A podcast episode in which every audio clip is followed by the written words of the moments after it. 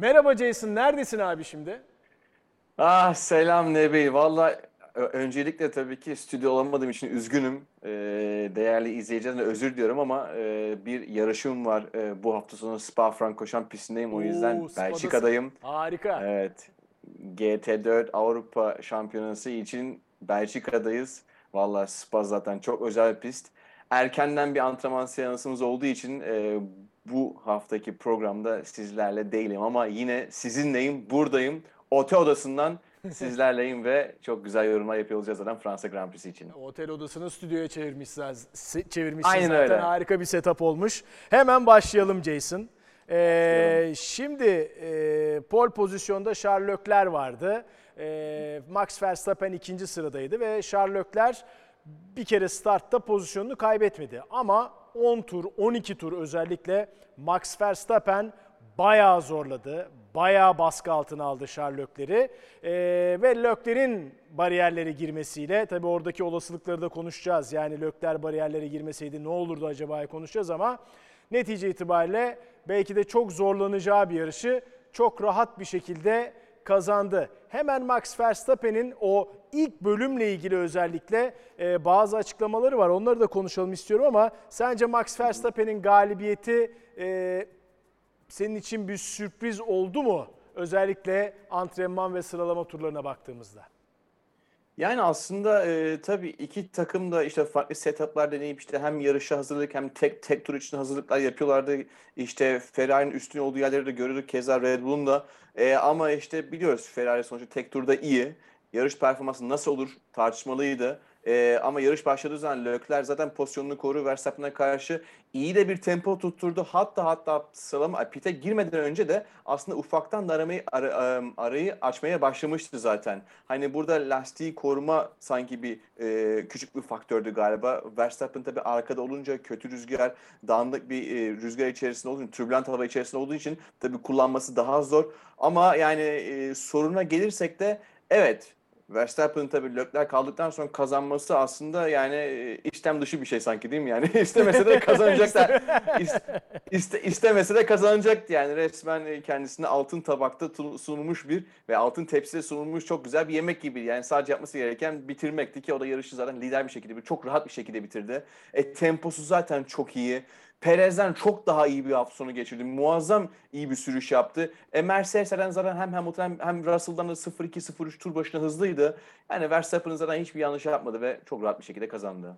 Peki Max Verstappen penceresinden yarış nasıl geçti? Ee, şimdi ona bakalım. Çünkü özellikle şey biraz kafayı karıştırdı. Yani 10 tur, 12 tur hatta yani e, ikinci turda fark 1 saniyedeyken dördüncü turda yarım saniyeye indi. E, altıncı turda bir ara çok yaklaştı. Geçme hamlesi yaptı yapamadı. Ama 12. turdan sonra o baskıyı biraz azalttı. Max Verstappen bakalım nasıl açıklıyor bunu? E, sakin kalmayı tercih ettim diyor Max Verstappen. Ee, gerçek manada sadece bir kez atak fırsatı yakaladım fakat zordu. Bu yüzden sakin kalmaya çalıştım. Bazen çok fazla zorlayamayacağınızı anlamalı ve yarışın sonuna kadar beklemelisiniz. Ben de öyle yaptım. Şimdi sen de doğal olarak tabii arkada olmasının ve lastiklerle ilgili daha fazla aşınma sürecine girmesinin bunda etkisi olabileceğini söyledin. Burada Max Verstappen ve Red Bull bilerek mi biraz tempoyu düşürüp pite girip farklı bir stratejiyle mi Lökler'i geçeriz diye düşündü. Ee, aksi çok fazla bana makul gelmiyor. Yani Lökler mi yoksa aslında e, Max Verstappen'den daha yüksek tempodaydı 12. turdan sonra. Hangisi sence? Yani tabii burada aslında pite e, girip e, yeni o en azından her ne kadar e, sert olmuş olsa bile seçtiği lastiklerin taze lastiklerin avantajını kullanarak undercut dediğimiz yani pite erken girip taze lastiklerle attıkları hızlı turlarla aslında öndeki kişiyi yakalayarak o pite girdiği zaman onu geçme e, stratejisini kullanmak istediler ki aslında işe yarayacaktı bence. Zaten e, yayıncı kuru, e, yayıncı ekranda da zaten gözüküyordu işte 10 27 saniye gibi bir süre gerekiyordu e, aralarındaki farkın ve bu hızlı bir şekilde kapanıyor ve tam Leclerc e, spin yapmadan önce 27.0 saniyeler aradaki fark. Yani aslında burada bence e, Red Bull'un düşündüğü şey undercut yapmaktı. Taze sert lastikleri takıp hızlı bir şekilde gidip en azından Leclerc'den daha iyi tur zamanları yapıp onu geçebilmekti ki zaten e, yarış içerisinde işte Sainz gibi başka pilotlar da sert lastikler takıyorlardı ve onların performansları zaten iyiydi. E, bu da zaten onlar için iyi bir indikasyondu. Yani Sainz aslında hem Ferrari için hem de Red Bull için orada data toplamış oluyordu. Aslında e, Verstappen pite girdi, çıktı. Birkaç saniye sonra belki de e, Lökler bariyerlere girdi. E, bu sene hiç böyle bir hata yaptığını bu sezon için özellikle bu sene için galiba hatırlamıyoruz değil mi? Yani bu sezonu neredeyse hatasız götürüyordu. Hep Ferrari'nin takımın yaptığı işte pit stop stratejileri e, veyahut da başka mekanik arızalardan arızalar, şikayet edili- edilirken bu sefer Lökler hata yaptı. Ve aslında ilk başta hatırlarsan bir gaz pedalı throttle dedi ve acaba Avusturya'daki hatanın veyahut da ki sorunun bir tekrarı mı diye düşündük. Ee, ama meğersem öyle değilmiş. Ee, bakalım Lökler nasıl ifade ediyor o anı, Ee, nasıl anlatıyor kendi. Bir kere her şeyden önce hatasını kabul ediyor. Diyor ki benim hatam diyor. Ee, Kazanın sebebi mekanik bir arıza değil benim hatamdı. Virajı çok dışarıdan almaya çalıştım ve lastiği muhtemelen kirli bir yere temas ettirdim. Bu benim hatam ve eğer böyle hatalar yapmaya devam edersem şampiyonayı kazanmayı hak etmemiş olurum. Devam ediyor Lökler'in açıklaması. Ona da bakalım hemen. Çünkü burada özellikle sana sormak istediğim e, çok önemli bir tarafı var bu açıklamanın. Çok fazla düşünüyordum ve aracın arkasını kaybettim. Arabanın dengesinde çok sorun yaşadım. Arkadan kayan araçları severim ama böyle sıcak koşullarda tutarlı olmak çok zor. Çok yanlış bir anda hata yaptım. Şimdi birinci soru pistin kirli tarafına lastiği değdirmiş olabilirim. Bundan nasıl kaçınabilirdi sence? Kaçınabilir miydi? Yani şimdi ne bileyim unutmamak lazım. Ee, biliyorsun aslında sürücüler yarışma içerisindeyken özellikle işte çekişme anındayken biri pite girdiği zaman stratejik anlamda avantaj sağlamak için diğeri tabii ki zorlamak zorunda. Yani hakikaten %100 onunu vermek zorunda ki işte o undercut veya overcut dediğimiz olay olmasın. Şimdi tabii Verstappen pite girdiği zaman otomatikman Leclerc sonuçta kulağına geldi. İşte Verstappen pist, e, pite girdi. E, sen de işte push yani sonuna kadar zorla zorla zorla. Tabii bu esnada zorluyor. E, e tabi o hızlı bir viraj, Sin meşhur tam gaz önünden Sin virajından sonra 11. viraj çok uzun, sağa doğru bitmeyen bir viraj. Çok hızlı giriyorlar ve zorlayıp da zaman kazanabileceğim bir viraj zaten. Şimdi o esnada sol ön lastiği pistçi yani pistin normal kullanılan bölgesinin dışına çıktığı zaman pis bir alan oluyor. Orası daha tozlu, daha kirli, daha kaygan bir yer olduğu için tabii ki otomatikman lastik orada tutunamıyor.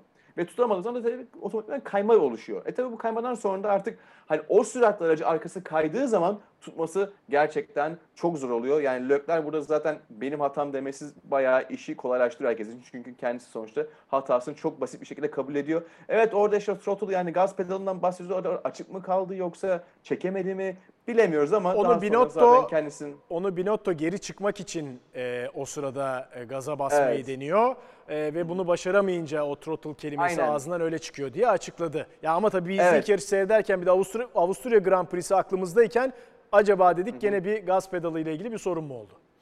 Aynen tabii işte tam, tam dediğin gibi sonuçta geriye vites almaya çalışıyor esnada ama beceremedi. Çünkü yani zaten almış olsa da sağlam vurdu bu arada bariyere. Evet, evet. Araba, o arabana kadar düz çıkardı açıkçası bilmiyorum. Peki açıklamasında benim dikkatimi çeken bir nokta daha var. Çok düşünüyordum. Yani e, o sırada biraz başka şeyler düşünülüyor veyahut da iyi konsantre olamadığını e, anlatan, ima eden bir cümle var orada. Ne, ne düşünüyor olabilir o sırada? Yani Max pite girdi, benim daha fazla zorlamam lazım veya ben ne zaman pite girmeliyim acaba gibi böyle kafasında bir takım matematik hesaplar mı yapıyordu sence? Ne, ne, ne olabilir?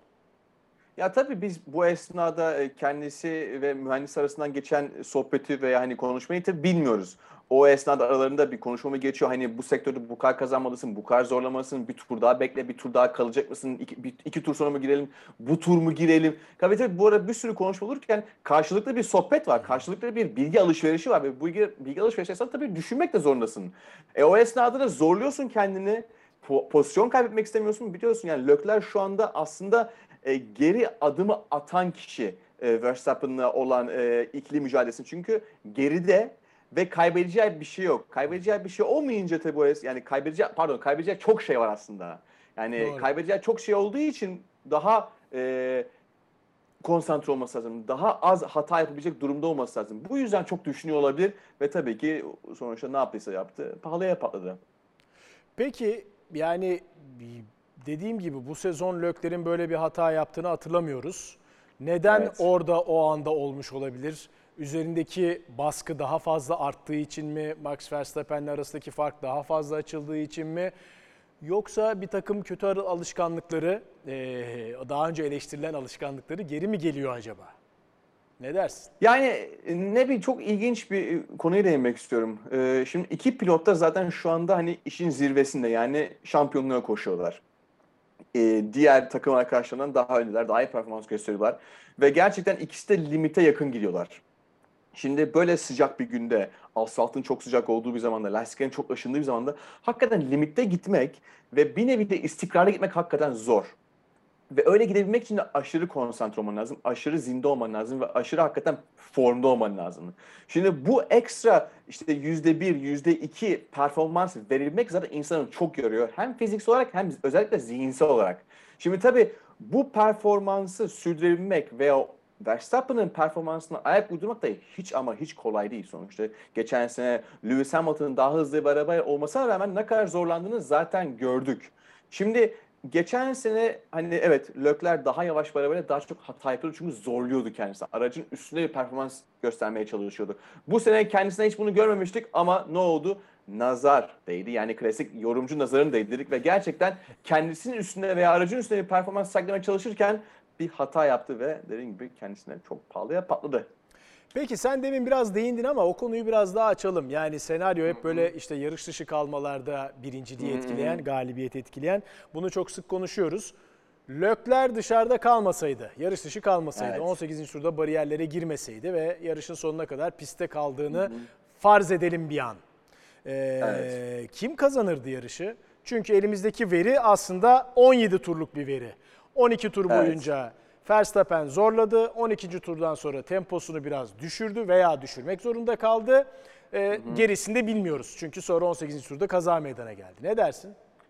Yani bunun tabii söylemek çok zor çünkü içerisinde bir tane virtual safety car daha sonrasında bir safety car Evet, yani doğru. farklı farklı farklı senaryolar vardı ama hani temiz bir yarış olduğunu düşünüyor olsaydık e, yine zor e, bir karar olurdu çünkü veya zor bir seçim olurdu. Çünkü e, sonuçta hani lastik seçeneği sert olacak. Sertler her zaman yani şu şu şu ana kadar sanki e, özellikle e, Ferrari'ler sertlerde de iyi gidiyorlardı. E, burada acaba Leclerc her ne kadar bence tabii bu benim şahsi görüşüm pit stop yapmış olsaydı muhtemelen Verstappen'ın gerisine düşecekti. Ve Verstappen'ı geçmek de hiç kolay değil. Yani herhangi bir Red Bull'u geçmek kolay değil. Çünkü zaten düzlükte çok hızlılar.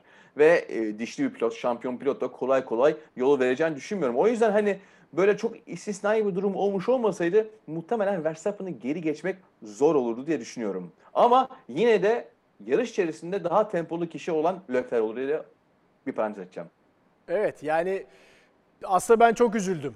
Yani çünkü Çok. muhtemelen pist üstünde birkaç kez karşı karşıya geleceklerdi. O ilk 12 tur bize onu gösterdi ve e, çok heyecanlı, çok çekişmeli anlar, e, geçiş ataklar, geçişler görecektik bence değil mi? Kesinlikle öyle. Yani e, bu tabii hem bu yarış için üzücü bir şey hem de şampiyona için çok üzücü bir şey. Çünkü e, şampiyonada uzak ara giden birisinin olmasını istemiyoruz. Her daim çekişme, her daim kazananların değişmesini istiyoruz. Spor için önemli bir şey bu. Evet. O yüzden yani Leclerc'in tabii bu durumda sıfır puan alması da Verstappen'ın tabii çok işine yaradı. O da gerekli olan puan farkını aştı zaten. Tabii yarışın yıldızı Sainz. Yani güç ünitesi değişikliği nedeniyle son sıradan başlamak zorunda kaldı. Ee, çok hızlı bir şekilde yükseldi. Safety car'ı e, safety car da aslında yani Lökler'in kazasıyla e, güvenlik aracının girmesiyle bir anda ön tarafa daha da yaklaşınca daha da e, rakiplerini geçti. Çok güzel geçişler yaptı. Özellikle e, Russell'ı geçişi değil mi? Russell'ı geçişi, Perez'i geçtiği anlar. Yani yarışın en güzel anları belki de hep Sainz imza attı bu anlara.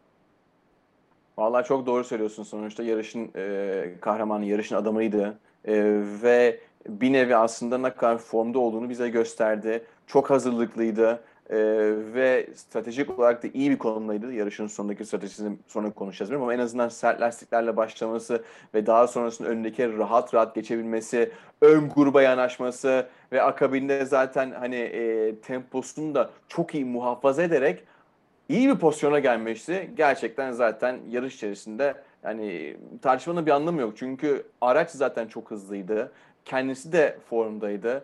Yani zaten yapabileceğin en iyisini yaptı. Daha iyisini yapamazdı açıkçası. Sainz o yüzden Sainz'i tebrik ediyoruz. Ama tabii burada gene yani bu Ferrari takım ve e, pilot iletişimi orada yine bir takım e, böyle ilginç e, şeylere denk geldik, rastladık. Yani e, Sainz'la e, takım mühendisi arasında e, bayağı bir git gel yaşandı. Hatta onun bir şöyle bir bakalım e, grafiğine de. E, tabii pek çok kez konuşmuşlardır ama bize yansıyan e, 39. turda pit duvarı diyor ki Sainz A planını deneyebiliriz. Ne düşünüyorsun? Şu an karar vermeliyiz ama bilemiyorum. Çok zor gözüküyor diyor. Daha 40. turda anlaşıldı D planına geçiyoruz. Hayır ona geçmiyoruz diyor Carlos Sainz. Ee, nitekim orada Perez'i zorluyor. Perez'i geçmek için çaba gösteriyordu Carlos Sainz. Ee, ve burada yine bir e, takımla e, Sainz arasında bir ne bileyim anlaşmazlık. Sonra pit stop yapmayacak mıyız diye Sainz sordu. Yarış sonuna kadar gideceğiz dedi pit duvarı. Sonra da Carlos pite gel lütfen dedi. Şimdi değil şimdi değil. Tam da o sırada tabii biraz gecikmeli geliyor telsiz konuşmaları yansıyor ama hani Perez'i bayağı zorluyordu. Perez'i geçmek için maksimum bir gayret sarf ediyordu. Ee, ne diyorsun yani buradaki bu konuşmalara elbette ki pilotla e, takım arasında, mühendis arasında bu konuşmalar olur ama hem zamanlama açısından hem biraz kararsızlık açısından ve sanki artık Lökler'in de Sainz'ın da takıma özellikle bu pit stop stratejileriyle ilgili güveni azaldığı için yaşananlardan dolayı daha çok kendi fikirlerini dikte etmek istiyorlar ki Carlos Sainz yarışını öyle kazandı. Galibiyetini öyle aldı öyle değil mi? Takım emrine uysaydı o galibiyetini alamayacaktı. Yani ne bileyim açıkçası şimdi tabii grafikte de gördük ekranda çok bir konuşma var ve kararsız konuşmalar var. Yani yok yarışın sonuna kadar gideriz, yok şimdi pite gir. Yani burada tabii hani diğer takımlar da duyuyor bazı konuşmaları. Hani onlara karşılık da böyle blöf de olabiliyor bazı şeyler. Ama hani e, hangisi blöf hangisi değil tabii biz bilmiyoruz. Ondan sonra A, B, C, D acaba kaç tane farklı strateji veya farklı hani şey var e, ne bileyim işte e, evet strateji var bunları bilmiyoruz. Ama tek gördüğümüz şey gerçekten iki e, yani hem takım hem de pilot arasındaki bir anlaşmazlık. Bu bu sonuçta şöyle bir sıkıntı yaratıyor. Tabii ki bir özgüven eksikliği ve aracın içerisindeki olan biteni hisseden kişilerden sürücü. Ve şimdi Sainz'in durumuna bakıldığı zaman da Sainz öndeki Perez'i geçmek istiyor. Bu geçmesi şöyle önemli Nevil. Yani orada Sainz'in aslında hani ben seni geçebiliyorum, ben senden daha iyiyim, daha hızlıyım. işte o tür imzayı, o statüsünü şey yapması lazım. Kendisine konumlandırması lazım. Şimdi onu düşündüğün zaman hani bu Sainz için önemli. Şimdi diğer taraftan Sainz şunu düşünüyor. Ya ben bunu geçeceğim e, Perez'i. Ondan sonra fark açacağım çünkü ona inanıyorum o esnada. Yani, yani yakalayıp geçebiliyorsam demek ki fark da açabilirim. Şimdi bunu yaptıktan sonra zaten geriye kalan işte 12-13 tur hatırlamıyorum. Burada işte fark açacağım, lastikleri koruyacağım ve en azından bu pozisyonu da bitireceğim. Ama diğer taraftan ise takım hayır diyor. Gel içeri çünkü elindeki lastikler dayanmaz. Ama yani hem geçiyorsun, geçebiliyorsun hem de fark açabilecek tempoyu tutturabiliyorsun. Ama diğer yandan da takım sana dayanmaz çünkü ellerinde işte antrenmanlardan veya işte diğer e, işte lastik üreticisi Pirelli'den gelen verilere bakıldığı zaman işte bu dayanmayacak, bitecek veyahut tehlike arz edecek, tehlike yaratacak bir durum söz konusu olacak. E, tabii şimdi e, takım aslında ne derse bir nevi o olur. Sonuçta hani en azından bu durumda.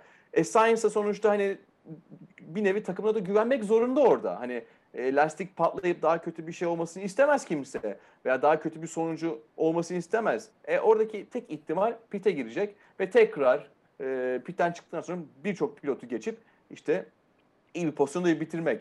Yani şahsen orada devam etmiş olsaydı acaba ne olurdu? Gerçekten ben de çok merak ediyorum Nevin. Ki e, birkaç kez yine tak- e, telsizden inanmıyorum. İşte Aynen, neden evet. böyle yaptık anlamıyorum gibi serzenişlerde bulundu. Yarıştan sonra yaptığı açıklamada da e, muhakkak takım bir takım matematik hesaplamalar yapmıştır. Bunu da önüme koyacaklardır. E, yarış esnasında öyle dedim gibi biraz daha e, ortamı yumuşatan veyahut da o serzenişinden biraz geri adım atar bir hali vardı ama Gerçekten ben de çok merak ediyorum. Yani bir- en azından birkaç tur daha gitmesine bence izin verebilirlerdi. O kadar mı bitikti lastikler? O kadar mı e, hani patlamaya yakın veyahut da e, performansını düşürmeye yakın bir noktadaydı? Ben de senin gibi çok emin değilim. Birkaç tur daha denenebilirdi gibi geliyor bana. Şimdi takımla e, pilotlar arasındaki konuşmada yani bunu sezon boyunca çok konuştuk gerçekten. Bir soru var. Evet. E, Dark Passenger soruyor. Ferrari garajının olayları bu kadar kötü yönetmesini neye bağlıyorsunuz? Alınan cezayı bile doğru düzgün söyleyemiyorlar. Gerçekten o da yaşandı. Yani 5 saniye dur kalk cezası alacaksın dediler. Hayır hayır pitte yapacağım pitte yapacağım. Evet evet falan dediler ondan sonra. Ee, ne diyorsun yani bu nasıl düzeltecek Ferrari ve bunu düzeltemezse sezonu zor götürecekler. Yani e, Nebil gerçekten e, ben de anlamıyorum. Yani hani bunlar yani bu insanlar sonuçta bu spor yani motor sporun zirvesi Formula 1 ise e, bu çalışan mühendisler de sonuçta motor sporun zirvesi olması lazım. E, ve gerçekten hem kurallara hem işte bütün hesap strateji yani bir kişi sadece bütün şeyi yapmıyor. Bütün e, hesap kitap veya yorumları yapmıyor. Arkada çalışan bir sürü bir takım var. Stratejisi, motoru, şasesi, vites kutusu. Bir sürü insan o esnada gerekli verileri toplayıp işte yarış mühendisine bildiriyor. Şimdi bu kadar kopuk bir e, senaryo varken nasıl bu hatalar oluyor ben de açıkçası hani anlayamıyorum ama bir yandan da anlıyorum çünkü gerçekten bir sıkıntı var. Beni en çok şey yapan, şaşırtan şey ise Binotto'nun rahatlığı. Yani hep konuşuyoruz bunu. Horner veya Toto Wolff şey yaptığı zaman hani bir röportaj yaptığı zaman hani mutlu olduğu zaman mutluluğunu orada dile getiriyor ama e, mutsuz olduğu zaman sert bir şekilde eleştirebiliyor. Hani gerçekten bir sıkıntı varsa bunu hani ağır bir şekilde de çok rahat bir şekilde ekranlara söyleyebiliyor. Ama Binotto işte hani iyiyiz, çalışıyoruz, yapıyoruz. Geçen seneden daha iyiyiz. Yani hiç bana şampiyon olabilecek veya şampiyonaya koşan, şampiyonluk ruhu olan bir takım direktörü gibi gelmiyor. Ve hani bu beni çok şaşırtıyor açıkçası. Tabii bu işin hani başında Binotto var ama bütün her şeyin suç- suçlusu veya sorumlusu Binotto mu? Onu tabii bilemeyiz. Ama yani soru son arkadaşın da gerçekten dediği gibi bir sorun var. Bir sorun daha oldu. Ee, pit e, pitte biraz uzun kaldı Carlos Sainz ve çıkarken de e, Albon'a neredeyse çarpıyordu. Oradan da 5 saniye ceza aldı ya. Orada e, sorumluluk sence sürücüde mi? Orada e, takımda mı? Pit ekibinde mi? Ya, Pit yani ekibinde değil artık mi? zaten artık e, pit stop yaparken bir sürü mekanizmalar işte gerekli onayları veriyorlar işte bir lastik takıldı takılmadıysa ya arkada arkada çalışan gayet bir elektronik bir sistem var. Şimdi zaten her şey takılmış bekleniyor. O esnada gelen bir araba var. Onu kimin görmesi lazım? Aslında orada çalışan yine elektronik bir sistem var. Yani ben orada oradaki karmaşanın neden olduğunu hala çözememiş değilim. Ama hani orada e, yine günün sonunda kendi mühendisinin de eğer ki bir araba geliyorsa onu bildirebilmesi lazım. Çünkü zaten pit stop yaparken pit stop'a bakan zaten en önemli kişiler mühendisleri. Yani orada e, Sainz'in mühendisleri bakıyor olması lazım ve gerekli uyarılarda bulunması lazım. Ama yani o kadar çok elektronik var ki işin içinde hepsine güveniyorsun diye düşünüyorsun ama yine bir yerden patlak veriyor. Sıralamada da sıralama turuna dönecek olursak e, Carlos Sainz'ın zaten en arkadan başlayacağı belli olduğu için Q3'te bir hava koridoru yarattı e, Charles Leclerc'e. Benim aklıma şu geldi. Kanada'da da benzer bir durum vardı. Tam ters. Bu sefer Leclerc en arkadan başlayacaktı. E, ama aynı şey yapılmadı. Hatta Leclerc e, Q1'de piste çıktı sadece. Q2 ve Q3'e katılmadı. Acaba tabii orada yağmur mu bunu böyle bir strateji yapmaya veyahut da e, Carlos Sainz'e yardım etmeye engelleyecek bir durumdu. Ne dersin? Yani öyle bir risk almak istemediler mi? Yağmurda bu sefer Lökler boş yere bir spin atarsa, kaza yaparsa aracı toplamak zorunda kalırız gibi bir şey olmuş olabilir mi? Yani burada biraz hem bir eşitsizlik var gibi geldi ama yağmur faktörünü de unutmamak lazım diye düşündüm kendi kendime. Şimdi e, evet olabilir. Yani yağmur tabii her zaman daha riskli. Ve sanki yanlış hatırlamıyorsam da yağmur sadece sıralama turları için geçerliydi aslında. Evet sadece e, sıralamada vardı doğru. yar- yarış günü yağmur beklenmiyordu. O yüzden o esnada hani e, Leclerc'in fazladan çıkıp fazladan lastik kullanması ve hani e, kurumayan bir pistte destek olması belki biraz daha hani gereksiz görülebilir gibi geliyor bana takım açısından. O yüzden belki hani ertesi gün tamamen kuru olacağını düşünerekten böyle bir durum olacağına gerek en azından bu, bu böyle bir şeye gerek duymamışlar düşünülebilir. Ben şu anda hani sen bu soruyu direkt bana sorduğun için düşündüm böyle hani yoksa bir kafa yormadım açıkçası. Evet ya yarışı iz- daha doğrusu sıralamayı izlerken o hemen o geldi aklıma. Aynı şeyi Lökler Evet. niye e, Carlos'a yapmadı, Carlos Sainz'e yapmadı diye. Peki buradan biraz Perez yani e, herhalde bu yarışın kaybedeni de ya bir sürü kaybedeni vardır belki ama e, Perez diyebiliriz. Yani kendi temposunun çok çok altındaydı. Faysal Kurt'un sorusu var bu konuyla ilgili. Perez'in Verstappen'e oranla bu kadar geride kalmasının temel sebebi ne olabilir bu yarış özelinde? Evet Verstappen'in temposu her zaman Perez'den daha öndeydi ama bu yarışta o kadar ciddi bir fark vardı ki Mercedes'leri de konuşacağız birazdan. Yani Mercedesler rahat bir şekilde eee Russell'da Hamilton'da Perez'i alt etmeyi başardılar. Bu sezon boyunca yaşanmış bir durum değil. Ne dersin? İnan ne bil- bilmiyorum. Yani bu özellikle bu yarış Evet bu Bu yarış. pistte ni- bu yarış bu pistte niye bu kadar fark vardı ben de çözemedim. Ve gerçekten e, yarış içerisinde aralarında tur başına 0-3 rahat 0-3-0-4 vardı. Bu da büyük bir fark baktığınız zaman sonuçta 70 70 80 tura vurduğunuz zaman hani 40 saniye kadar çıkardı eğer öyle bir şey. Hani ben tabii çok abartarak söylüyorum şu anda ama hani Tabii. en az bir 20-30 saniyelik bir fark olması lazım ki hoş değil yani takım arkadaşın sana bu kadar fark atması.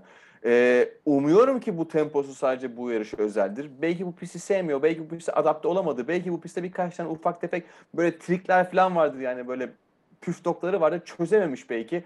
Aracı adapte olamamış belki o esnada. Ee, ama yani çok çok uzun süredir geçen sene haricinde yani bu sene ilk defa kendisini bu kadar uzakta görüyoruz. Yani biraz sanki aralarındaki fark geçen sene gibi açıkçası. Evet. Ee, Tolga Topçu'nun bir sorusu var. Ona bakalım Jason beraber. Biraz daha genel değerlendirmeye bizi teşvik edecek bir soru ama içinde iki, iki güzel unsur da var. Verstappen'in yarış içinde bireysel hata yapmıyor olması bence bu sene onu şampiyon yapacak. Bu konu hakkında ne düşünüyorsunuz? Ferrari'nin Sainz'a taktığı yeni motor çok hızlı. Evet bunu konuşmamız lazım. En yüksek hız ona aitti. Bu konu hakkındaki düşünceleriniz nelerdir? Bu konuya bakarken e, editörümüz Ali de şeyi hatırlattı. 2019'daki e, Ferrari'nin motorda yaptığı bir takım e, ne diyelim ayarlar ve aldığı cezayı hatırlattı. Birinci soru Verstappen hakikaten bireysel hata yapmıyor. Yani e, ve aslında açılan puan farkı Verstappen'in hata yapma oranını azaltacak. Öyle değil mi? Daha rahat Kesinlikle öyle sürecek yani. çünkü baskı daha az olacak üstünde. E, dediğim gibi yani e, kazanmaması sanki imkansız bu durumda. e, Lö- Lökler e, hata yaptıkça veya Ferrari'ler yolda kaldıkça mekanik arıza ve herhangi bir bir sebepten dolayı ve onlar kalmadığı sürece zaten kazanmamaları e, biraz zor olacak. E, şimdi e, bu durumda hani Max'in gerçekten işi rahatlıyor ve düşündüğü zaman Max gerçekten hatasız sürüyor. Evet. Yani birkaç tane birkaç tane birkaç tane mekanik arıza dışında hani podyum bitirme serisi ve birinci gelme serisi zaten çok muazzam bir istatistik. Şimdi hani bu tempoyu ve bu formu devam ettirdiği sürece sonra şampiyon olmaması e, yazık olur yani. Ben kendisinden zaten bu sürüşü devam ettirdiği sürece şampiyonluk bekliyorum açıkçası. Ha tabii sürpriz olur mu? Tabii ki olur. Aradaki puan farkı 2-3 yarışa bakar. Hani kendisinin e, hiç puan almaması, Lökler veya Perez'in çok puan almasına bakar. 3 yarıştan sonra bu fark kapanır. Ama e, sanki kolay kolay hata yapacak, kolay kolay e, kendisini dengesiz bir durumda bırakacak gibi gözükmüyor açıkçası. Peki Sainz'ın çok hızlı olması yani mesela eee, sıralamalarda düzlüklerde örneğin 6-7 kilometre Red Bull daha hızlıydı Ferrari'den ama eee, yarış sırasındaki en yüksek hızı Sainz eee, çıktı. Burada motorda bir takım bir değişiklik, bir eee, oynama, ayar oynaması veya başka bir şey yapılmış olabilir, olmuş olabilir mi? Yani bunu şey bir illegal veya hile anlamında sormuyorum. Ama bir değişiklik yapılmış olabilir mi? Ne dersin? Ya bunu çok düşünmüyorum, çok zannetmiyorum açıkçası. Çünkü biz tabii her tur en yüksek sürate sahip olmadığını bilmiyoruz ama bir tur sonuçta en hızlı tur, en hızlı, en yüksek sürati yapmış. Bu için içinde DRS olabilir. O esnada bataryanın hepsini kullanıyor olabilir veya motoru en zengin şekilde kullanıyor olabilir. Yani bütün işte maksimum atak ve DRS ile en yüksek hıza çıkmış olup da aynı şekilde bir de önde, öndeki e, kişiden rüzgar da almış olsa yani rüzgar tüneli girmiş olsa alabilir yani. Yoksa ben açıkçası motorda e, farklı bir ayar yaptıklarını çok düşünmüyorum. Sonuçta bu motor yeni motor, taze motor. Evet taze motor her zaman daha avantajlı. Ama yarışta da onu riske edeceklerini düşünmüyorum açıkçası. Mercedes podyuma ilk kez bu sezon, bu yıl iki sürücüsüyle çıktı. Hamilton ikinci oldu. Hamilton ilk kez ikinci bitirdi bu sene bir yarışı. Russell üçüncü oldu. Aslında hem e, antrenman seanslarında hem sıralama turlarında çok mutsuzlardı, çok umutsuzlardı. E, ama ona rağmen e, ön plana çıkmayı başardılar. Tabii Perez'in burada olumsuz performansı, tabii Lökler'in bariyerlere girmiş olması da etken oldu. Ama yine de bence pist üstünde e, yaptıkları geçişler de e, bence önemli bir göstergeydi gelecekle ilgili. Ee, bana göre Hamilton aslında Sainz'tan sonra bir nevi günün pilotu gibiydi diyebilirim açıkçası. Çünkü startı çok iyi aldı, pozisyon kazandı, muhafaza etti, e, iyi korudu. Yeri geldiği zaman defan, şey yeri geldiği lastiklerini iyi, iyi yönetti. Süreti de çok iyiydi. E, bazı turlarda Leclerc ve e, Verstappen kadar hızlıydı. E, istikrarlı gidiyordu. Ben gerçekten Hamilton'ın sürüşünü çok beğendim ve Hamilton'ın son yarışlardaki performansı da gerçekten bence konuşulması gereken bir şey. Çünkü sanki artık eski Hamilton'ı ufaktan görmeye başladık gibi e, aracı e, iki pilotta hem Russell'da hem de Hamilton'da gerçekten araçtan çıkarabildiklerinin hepsini çıkarmaya çalışıyorlar. E, ikisi de çok iyi bir sürüş yaptılar bu hafta sonu. Sanki Mercedes'in bu hafta sonu daha güçlü olacağını, daha kuvvetli olacağı konuşuluyordu. Ama tek turda yine sıkıntı yaşıyorlar. Özellikle Ferrari ve Red Bull'a kıyasla ama yarış tempoları her zaman iyiydi. Bunu hep görüyoruz zaten tek tura kıyasla. Ee, ama e, en azından iki tane e, Mercedes pilotunu podyumda görmek gerçekten spor için güzel. Soru var burada. Mert İzzet sormuş. Ee, Mercedes bu kadar sıkıntılar içinde yine de iki pilotunu podyuma çıkarmayı başardı. Bunun nedenini ne olarak görüyorsunuz? Winner bir takım olmak mı yoksa tecrübe mi? Mert İzzet Tan Altay soruyor. Winner'lık mı tecrübe mi başka bir şey mi? Benim aklımda başka bir şey var da. Hamilton Yani her söylüyor, şey ben söylemiyorum. her, her, her şey var, her şey var. Takım çok çalışıyor sonuçta ve e, e, Mercedes'in aslında şöyle bir güzelliği var. Yani takımın aslında tecrübeli ve kazanan bir takımın ruha sahip olmasının şöyle bir göstergesi olabilir.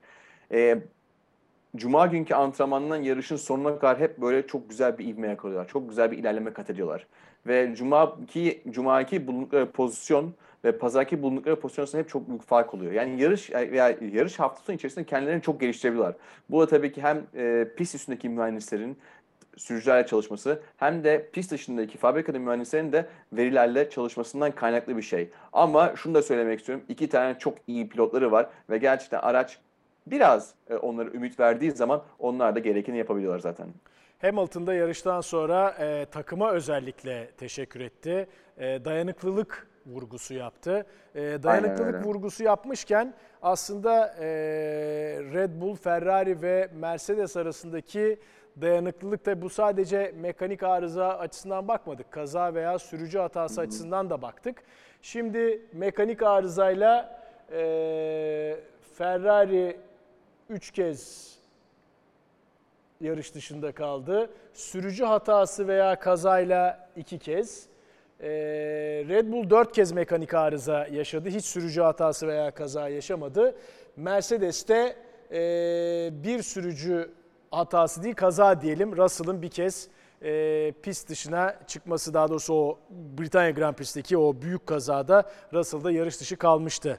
E, Mercedes dayanıklılığıyla da istikrarı, tecrübesi ve dayanıklılığıyla da fark yaratıyor veya en azından şu andaki pozisyonunu koruyabiliyor diyebiliriz herhalde. Yarış bitirmeme konusunda hakikaten şu anda sadece Russell'ın bir tane e, kazaya karışıp bitirememesi e, ve Hamilton'ın da diğer yarışları sorunsuz bitirmesi zaten e, istatistik olarak Mercedes'in ne kadar iyi bir e, dayanıklı bir araba yaptıklarını gösteriyor. Sürücüler de affedersin kazadan beladan kaçınabiliyorlar yeri geldiği zaman ve e, tabii ben şimdi bunu dediğim için gelecek yarış belki bir yorumcu nazarı değebilir. Eyvah. Sen böyle devam edersen biz bu programı yapamayacağız Jason. Haberin olsun yani. Aynen öyle. Aynen öyle. Ama tabii bütün Mercedes takımdaki hakikaten herkesi tebrik ediyoruz. Çünkü e, yanlış hatırlamıyorsam tabii düşünmek lazım. Diğer e, bütün takımların istatistikleri nedir bilmiyorum ama e, sanki e, geçmiş 12 yarış içerisinde 24 tane e, sonuçta araç var. Bir tane Bir. bitirememiş olması, 23 tane finish görmüş e, pilot iyi bir istatistik diye düşünüyorum. Çok iyi. Yani ve işte dediğimiz gibi o tek bitiremediği de büyük bir kazanın içinde kaldı. Ee, Aynen öyle. Russell. Ee, bu yarışın öne çıkan isimlerinden biri Alonso'ydu. Ee, özellikle zaten en çok e, süre yarışan pilot rekorunu kırmıştı. En çok tur atan, pist üzerinde tur atan pilot rekorunu da Kimi Raikkonen'den kırmış oldu. Ee, ama yarış içinde de ilginç bir konuşma geçti. Pit duvarından arkandakiler sana yaklaşıyor dediler. O da ben de bunu istiyorum. Onların lastiklerini bitireceğim. e, tecrübesiyle arkasındakilerin nasıl zarar vereceğini Fernando Alonso gayet iyi biliyor galiba. Yani çok efsane birisi gerçekten e, ve çok akıllı birisi. Yani pist üstünde yaptığı e, işte farklı böyle taktiksel şeyler e, mesela antrenman turlarında, sıralama turlarında başlayacağı yerlerde işte lastik yakması, temizlemesi orası, oraları önceden. Ondan sonra antrenmanlarda kaçış noktalarını yani sonuçta bir virajdan çıktığı zaman kaçış noktaları var. O kaçış noktalarından en hızlı nasıl geçerim onları denemesi e, gibi gibi farklı farklı şeyler deniyor ve tabii ki bu da işin biraz kurnazlığı, biraz tecrübesi ve biraz da akıl yani. E, o konuda Alonso'yu gerçekten tebrik etmek lazım. E, her ne kadar e, güçsüz olacağı bir konumda olmasına rağmen böyle özgüvenli bir şekilde e, bunu söyleyebiliyor ve yapabiliyor. Gerçekten e, yani şampiyon bir pilot kendisi. El Matador'u gerçekten o anlamda tebrik ediyoruz. Ve sporda olması gerçekten çok güzel bir şey zaten. Aslında sezona iyi başlamamıştı. Yani e, Evet. ilk 5 yarışta sadece 2 puan alabildi ama devamındaki 7 yarışta 35 puan topladı. Ard arda yarışlarda puansız kapatmadığı yarış yok. E, o açıdan değerli ve kendisine bundan 2 hafta önceydi galiba veya geçen hafta mıydı? Piastri konusu soruldu. Yani artık gençlerin önünü açmak gerekmiyor mu minvalinde bir soruydu. O da ben hala çok hızlıyım. Grid'de bulunduğu koltuğu hak etmeyen pilotlar var. Onlar yer versin demişti. Haksız Yani sayın bence, bence- haklı. Ben, bence çok haklı bir yorum. Ee, sonuçta e, tecrübeli pilotlara bakıldığı zaman işte e, Vettel Stroll'den hızlı gidebiliyor. Aynı şekilde Hamilton Russell'dan hızlı gidebiliyor. E, şimdi Alonso Ocon'u geçebiliyor. Yani hala eski kurtlar bayağı dişli gidebiliyor. Bence Alonso'nun burada hakkını yememek lazım. Elbette ki e, Alonso'nun tabii muhtemelen orada e, düşündüğü birkaç isim var. Hani burada olmayı hak etmeyen insanlar diye diye Evet. nitelendirdiği. Onlar artık e, gelecek sene tabii ne olur bilmiyoruz ama e, Alpine'de yani Alpine Alonso'ya sonuçta o koltuğu verdiği sürece Alonso zaten en iyisinden en iyi yani en iyisini yapacaktır ve hakikaten e, böyle bize güzel küçük küçük şovlar gösterecek, yaratacaktır. Evet, McLaren büyük bir güncelleme paketi getirdi ama Avusturya Grand Prix'si ile aynı neticeyi aldı. 7 ve 9 oldular. Ricardo McLaren'de kalacağını duyurdu ama bence hala orada bir soru işareti var. Ee, Alfa Romeo, Alfa Tauri, Williams 3 yarıştır puan alamıyorlar. Tamamen dibe görmüş durumdalar. Derken puan derken bence bir puan durumuna ee, tamam. bir göz atalım. Senin var mıydı bu diğer takımlarla ilgili söyleyeceğin kısa bir şey? Yani yok e, ne bileyim ama McLaren ile Alpine arasındaki çekişme gerçekten çok güzel. Yani bunun bu şekilde devam ediyor olması, arka arkaya bitiriyor olmaları, pistin üst- üstünde mücadele etmeleri ve bunun da tabii sonuçta e, puan tablosuna yansıması gerçekten çok güzel. Yani sezonun sonuna kadar o iki takım arasındaki çekişmeyi gerçekten merak ediyorum. Evet, e, tabii bu hafta Red Bull aradaki farkı e, daha da açtı. Lökler'in hiç puan alamamasıyla e, aradaki fark 84 puana çıktı. Alpine ile McLaren arasında dediğin gibi 4 puanlık bir fark var. Alpine e, son yarışlarda performansını yükseltti. Alfa Tauri, Aston Martin, Williams onlar yerlerinde sayıyorlar. Alfa Romeo da öyle. Haas geçen haftanın biraz ee, geçen hafta kazandığı puanların ne diyelim cepten yedi diyelim. Ee, sürücüler klasmanına da baktığımızda tabii Verstappen burada e, ciddi bir fark yarattı. 63 puanlık bir fark yarattı ki kendi de yarıştan sonra yaptığı açıklamada aslında iki aracı kıyasladığımız zaman bu kadar büyük bir puan farkı olmaması gerekiyordu dedi. Yani elbette sahip olduğumuz bu puan avantajı harika ama muhtemelen iki aracın performansına baktığımızda fark olması gerektiğinden daha büyük diyor. Ne dersin? Max haksız, haklı sanki. Yo Max Max bu konuda çok haklı. Yani e, Max sonuçta çok açık bir şekilde söylüyor. Red Bull bizim kadar hızlı ve yeri gelsen bizden daha hızlı. E, sıralama turları sıralama turları performanslarına baktığınız zaman zaten Ferrari çok güçlü. E, ama yani e, yarışlara bakılırsa Red Bull da aynı şekilde çok kuvvetli. E, iki tarafta da işte DNF'ler yani yarış dışı kalmalar olmuş olmasaydı muhtemelen e, daha çekişmeli bir e, şampiyona en azından şampiyon ilk yarısını geçirmiş olacaktık. Tabii e, ne bileyim daha çok yani bir 10'un üstünde yani 10 tane yarış var önümüzde. Tabii. E, 250 puan, 260 puan olabilir bu. E, ve yani e, gelecek işte güncellemeler olacak. Ondan sonra tabii hepsi farklı pistler, birbirinden farklı pistler. Hangi piste hangi araç uyacak onu zaman göreceğiz zamanla. Ama yani hani e, daha bitmedi her şey. Ama tek burada söyleyeceğim bir şey Verstappen her geçen gün biraz daha rahatlıyor sanki. Ama özellikle Vettel'in Hockenheim'de yaptığı kazaya çok benzetildi. Lökler'in e, bariyerlere e, çarpması.